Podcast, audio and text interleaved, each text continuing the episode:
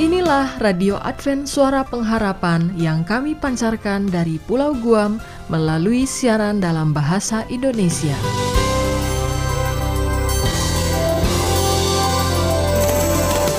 Salam sejahtera kepada saudara pendengar di mana pun Anda berada. Selamat berjumpa kembali dengan kami Radio Advent Suara Pengharapan. Dengan senang hati kami akan menemani Anda dan keluarga dengan rangkaian acara yang telah kami persiapkan bagi Anda sekeluarga dan harapan kami kiranya siaran ini dapat bermanfaat dan menjadi berkat bagi kita semua. Selamat mengikuti dan selamat mendengarkan. Tuhan memberkati.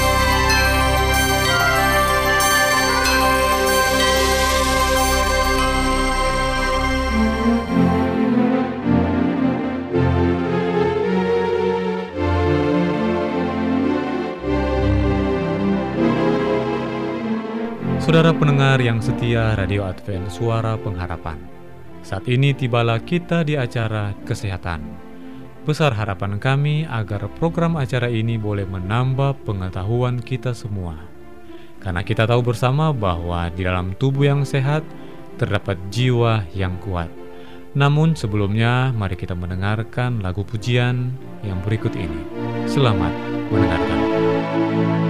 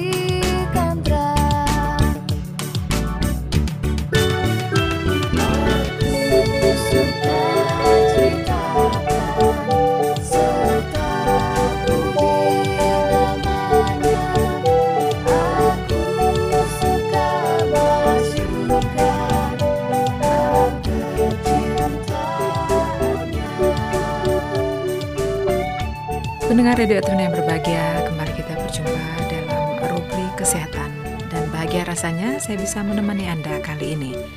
Dan kali ini kita akan membahas tentang radang sinus. Pendengar, Orang kerap merasa sehat-sehat saja meski mengalami pilek yang tidak kunjung sembuh. Padahal bisa jadi hidung meler ini merupakan pertanda sinusitis dan kalau dibiarkan bisa berkomplikasi ke berbagai organ tubuh. Sinusitis adalah istilah kedokteran untuk radang mukosa sinus paranasal. Sinus adalah saluran di dalam tulang di sekitar hidung yang merupakan bagian dari sistem pernapasan atas. Organ ini membuat lendir bisa dialirkan ke hidung. Nah, dalam kondisi normal, sinus memproduksi lebih dari 1,5 liter lendir per hari. Kalau hidung membengkak, bisa menghambat sinus dan menyebabkan nyeri serta infeksi. Sesuai anatomi, sinus yang terkena dapat dibagi menjadi empat, yaitu sinus maksila terletak di setiap pipi atau di samping kanan dan kiri hidung, sinus frontalis pada dahi, sinus etmoid terletak di antara kedua mata dan sinus phevonoid yang terletak agak di belakang etmoid atau di tengah-tengah tengkorak. Terjadinya sinus bisa karena perluasan infeksi dari hidung, gigi dan gusi, faring, tonsil, serta penyebaran hematogen meski jarang. Orang yang memiliki alergi juga mudah terkena radang sinus. Sebaliknya, alergi sendiri dapat memperberat penyakit sinusitisnya. Alergi, infeksi, atau pemicu dari lingkungan bisa menambah produksi lendir atau mengubah karakter lendir di dalam hidung dan memunculkan gejala. Adanya radang di sekitar sinus seperti radang tenggorokan, radang amandel, radang gigi, geraham atas juga bisa memicu timbulnya sinusitis. Radang sinus ini diakibatkan oleh perubahan tekanan atmosfer secara drastis, misalnya terjadi karena orang sering menyelam, berenang, atau kerap bepergian naik pesawat terbang. Sinusitis bisa bersifat akut atau berlangsung sekitar 4 minggu atau kronis yang lebih lama. Sinusitis akut sering dimulai dengan flu dan terjadi infeksi bakteri. Selain pilek dan batuk, gejala sinusitis di antaranya demam, lesu, lemah, dan letih. Sakit kepala juga sering dikeluhkan pasien sinusitis. Sakit kepala ini umumnya terjadi di dahi, ujung mata, dan sekitar pipi. Dan nyeri juga bisa terasa di belakang mata, di leher bagian belakang atau tengkuk, bahkan menjalar ke gigi. Kalau kepala digerakkan sedikit saja, rasanya nyeri itu bertambah berat. Sakit kepala ini biasanya disertai hidung tersumbat, pilek, sesak napas, iritasi karena parfum, asap rokok, dan alergen lain bisa memperburuk kondisi ini. Nah, pendengar sinusitis bakteri tidak seperti flu biasa karena perlu didiagnosis dokter dan perlu pengobatan dengan antibiotik untuk mengatasi infeksi sekaligus mencegah komplikasi. Obat pereda nyeri dan pelega hidung tersumbat sangat diperlukan. Menggunakan kompres hangat pada bagian yang meradang juga bisa membantu. Tujuan utama pengobatan sinusitis adalah mengurangi peradangan di hidung dan daerah sinus tidak lagi tersumbat, sehingga meningkatkan daya aliran. Nah, pendengar, anak-anak bisa mengalami infeksi sinus meski daerah sinusnya belum berkembang sempurna. Dan biasanya sinusitis pada anak-anak lebih sulit didiagnosis karena lebih sering mengalami infeksi di organ pernapasan dan gejalanya tidak begitu kentara. Gejala-gejala berikut mungkin bisa membuat Anda curiga bahwa si kecil terkena sinusitis sehingga bisa segera diajak ke dokter. Misalkan flu lebih dari 10 sampai 14 hari dan kadang agak demam. Kemudian cairan hidung kental berwarna kuning kehijauan. Berikutnya, kadang sakit tenggorokan, batuk, susah bernafas, mual, atau muntah juga sakit kepala, mudah teriritasi atau lemah, dan yang terakhir sekitar mata agak bengkak. Kalau gejala ini terlihat pada anak Anda, mungkin Anda bisa segera mengajaknya ke dokter untuk diadakan pemeriksaan lebih lanjut. Dan untuk mencegah sinus ini, kita bisa menghindari makanan yang merangsang. Anda yang mengalami radang saluran pernafasan atas yang akut supaya bisa kondisinya tidak memburuk, ada beberapa hal yang bisa Anda lakukan. Beristirahat selama 1 sampai 2 hari untuk mencegah penularan ke orang lain. Kemudian banyak minum air putih atau sari buah. Hindari makanan yang merangsang seperti makanan pedas, juga es. Kemudian tenangkan pikiran atau mengendalikan stres. Kalau dalam tiga hari kondisi memburuk atau demam tidak turun dan gejala yang lain kian bertambah, segera periksa ke dokter. Yang terakhir, patuh dan disiplin mengikuti petunjuk dokter agar peradangan atau infeksi akut bisa sembuh sempurna dan tidak berkembang menjadi kronis. Nah, pendengar sekalian, untuk menjaga sinus tetap bersih, biasanya untuk menghindari terjadi adanya sinusitis, jika Anda sakit flu atau alergi, jaga daerah sinus tetap bersih dengan hal-hal seperti berikut, yaitu menggunakan dekongestan oral atau obat semprot jangka pendek. Kemudian minum banyak air putih agar cairan hidung tetap encer. Hindari bepergian, karena jika anda harus naik pesawat terbang, gunakan dekongestan spray sebelum terbang untuk mencegah sinus tersumbat. Yang terakhir, kalau Anda ada riwayat alergi, hindari pemicu serangan alergi. Dan yang terakhir, gunakan pencuci hidung hingga peredah nyeri. Pengobatan ini sering kali direkomendasikan dokter karena mencuci area hidung dengan salin atau air garam untuk membantu mengusir lendir dan bakteria dari hidung dan sinus. Tindakan ini bisa mengurangi gejala untuk sementara waktu. Tentu saja sebaiknya berkonsultasi dengan dokter sebelum melakukannya. Nah, pendengar, mudah-mudahan informasi tentang radang sinus ini bisa bermanfaat bagi Anda semuanya. Sampai jumpa dalam rubrik kesehatan mendatang. Tuhan Yesus memberkati.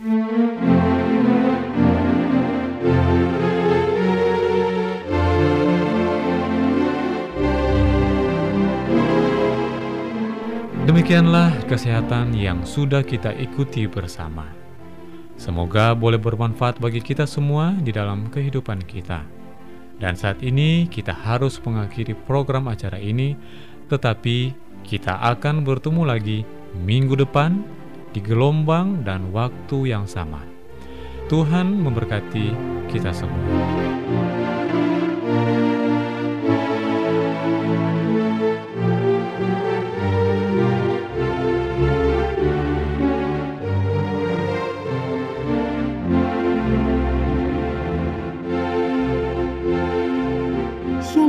Semua sahabat pendengar. Kabar baik bahwa kisah dan kesaksian terkait siaran dan pelayanan AWR Indonesia kini dapat diikuti secara berkala, baik melalui siaran harian Radio Advent Suara Pengharapan setiap minggu kedua dan keempat, juga melalui YouTube dan Facebook AWR Indonesia.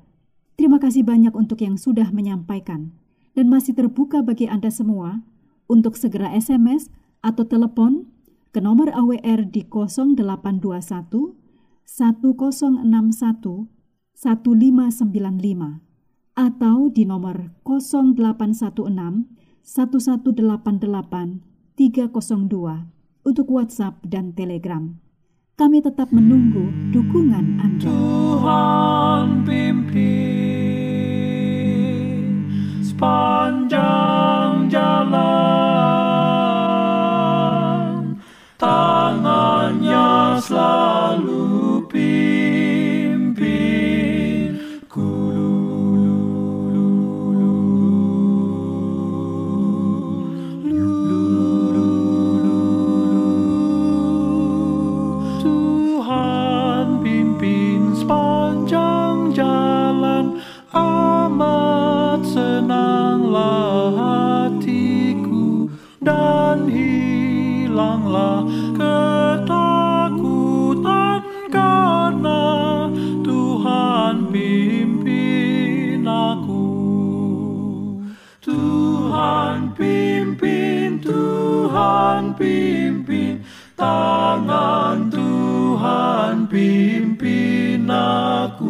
Ku turut dengan setia tangan Tuhan pimpin aku.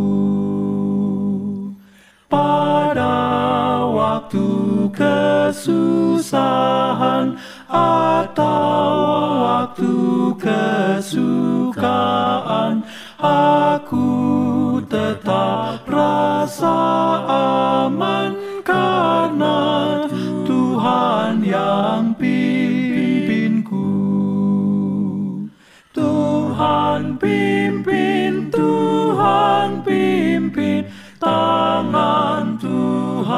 pimpin aku ku turut dengan setia. Tangan Tuhan pimpin aku. Selanjutnya mari kita mendengarkan mimbar suara pengharapan. Angkatlah diri dan bunyikanlah Yesus mau datang segera Nyanyi musafir dan pujikanlah Yesus mau datang segera Datang segera Inilah mimbar suara pengharapan dengan tema pencuri yang takut Tuhan. Selamat mendengarkan. Bangsa marah itu tandanya Yesus mau datang segera. Pengetahuan bertambah-tambah. Yesus mau datang segera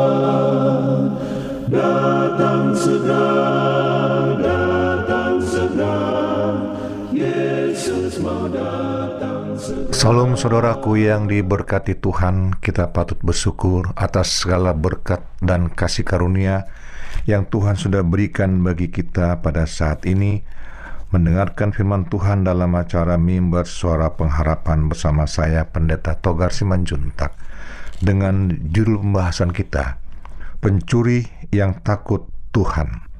Saudara, rasanya aneh ya jika dikatakan ada pencuri yang takut Tuhan.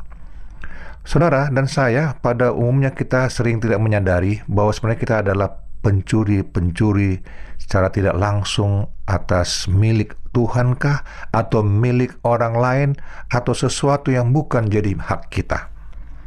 Dalam buku Imamat pasal 6 ayat 1 sampai 3. Kalau baca itu sampai yang ke 6, maka sana jelaskan dengan jelas bahwa apabila kita melakukan suatu tindakan memungkiri atau mencuri, mengambil harta benda milik seseorang yang bukan milik kita, maka kita wajib untuk melakukan pengembalian atas barang-barang yang kita curi tersebut.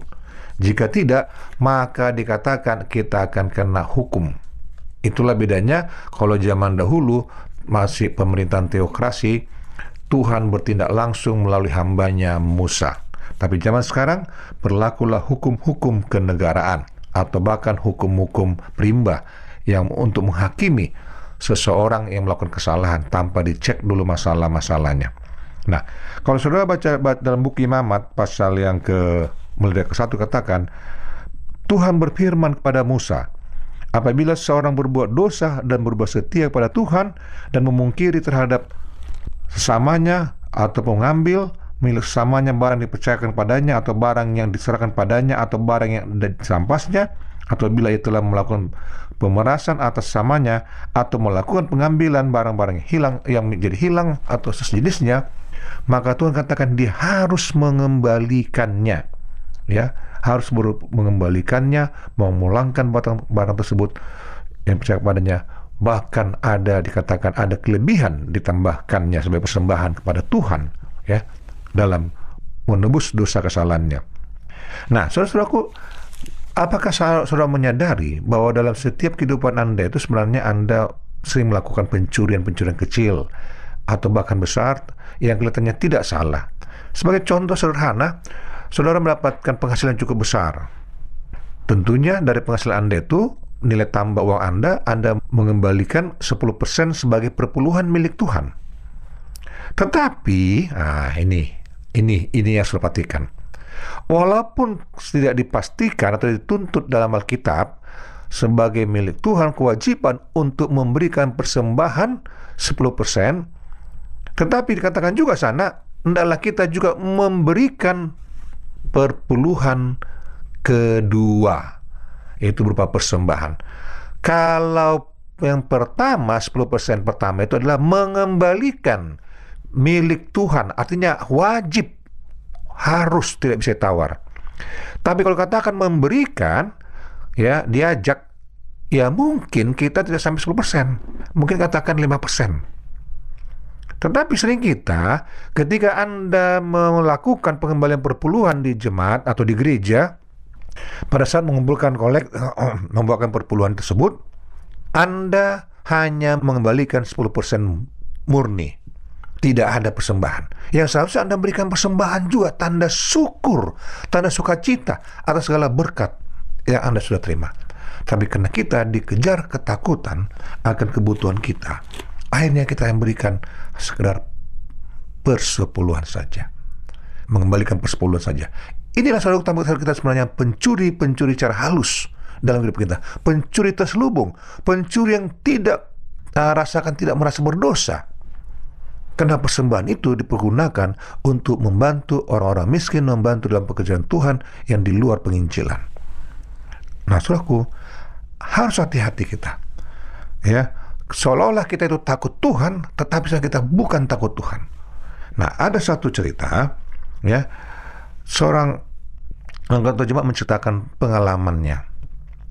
Dia suka mau langsung membuat pos-pos persembahannya di dalam amplop ditaruh ke dalam lemari. Suatu ketika dia pulang dari kerja, dilihat lemarinya sudah berantakan.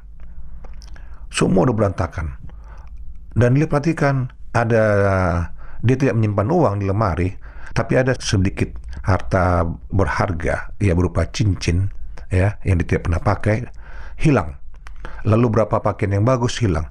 Tetapi yang lebih dirasa sangat luar biasa amplop-amplop persembahan yang sudah dia buat pos-posnya. Persembahan terbadu persembahan syukur persembahan untuk yang miskin ini semua ada kurang berapa amplop. Satu pun tidak ada yang diambil. Pada nilainya cukup besar. Kalau dihitung-hitung nilainya itu ada mungkin sekitar ya bisa katakan 20 juta lebih.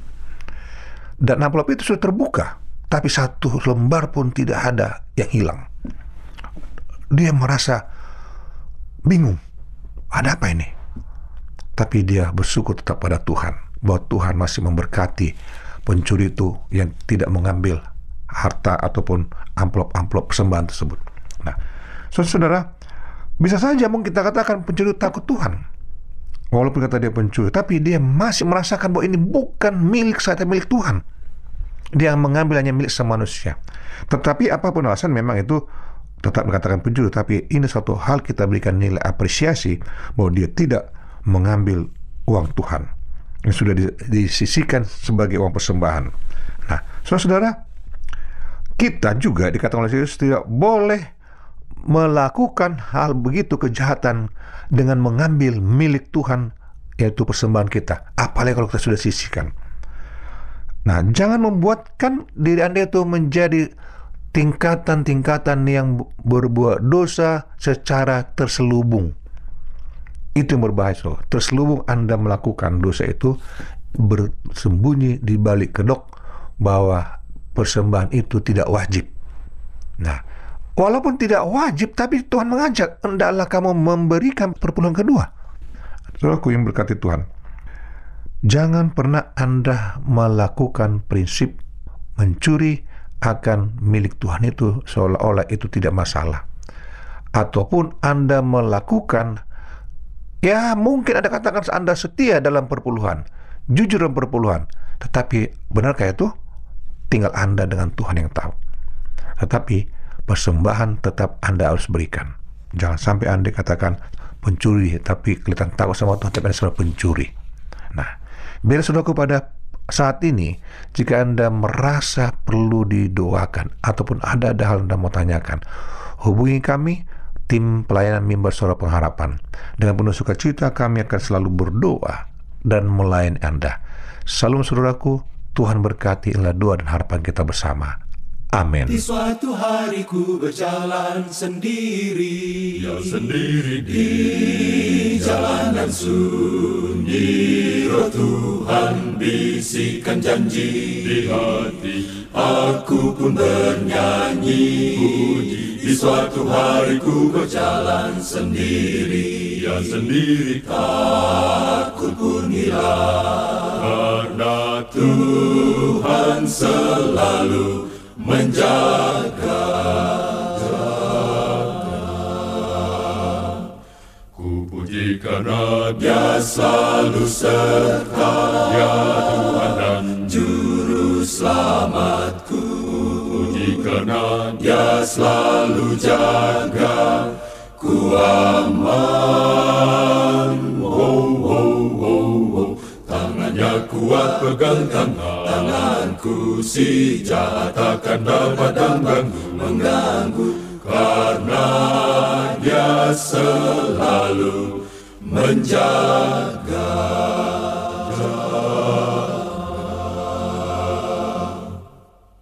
Ingatlah Daniel Nabi yang setia. Setia selalu berdoa. Malaikat pun dekat dengannya. Suka mendengar doanya. Doa Ingatlah Daniel Nabi yang setia. Setia selalu berdoa. Hingga Tuhan selalu menjaga Demikianlah rangkaian acara yang dapat kami persembahkan hari ini. Dan apabila Anda mempunyai pertanyaan atau ingin mendapat pelajaran Alkitab penemuan baru, Anda dapat mengirim surat ke alamat Radio Advent Suara Pengharapan, PO Box 8090 Jakarta 12810 Indonesia. Anda juga dapat menghubungi kami melalui telepon atau SMS di nomor 0821 1061 1595 atau Anda dapat menulis di email kami awrindonesia at yahoo.co.id. Anda juga dapat bergabung di Facebook kami pendengar radio Advent Suara Pengharapan atau di radio Advent Suara Pengharapan. Terima kasih kami ucapkan bagi Anda semua pendengar kami yang setia. Kita akan berjumpa kembali pada waktu dan gelombang yang sama esok hari. Salam kasih dan sejahtera. Kiranya Tuhan memberkati kita semua. Karena dia selalu serta dia Tuhan dan Juru Selamatku. Puji karena dia selalu jaga ku aman. Tangannya kuat pegang tangan Tanganku si jahat takkan dapat mengganggu Mengganggu. Karena dia selalu menjaga.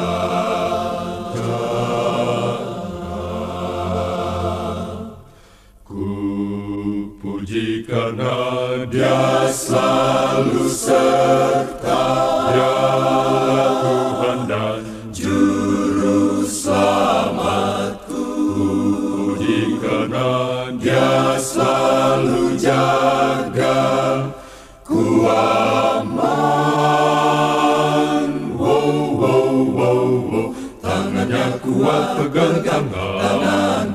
si jahat takkan dapat mengganggu Mengganggu Karena dia selalu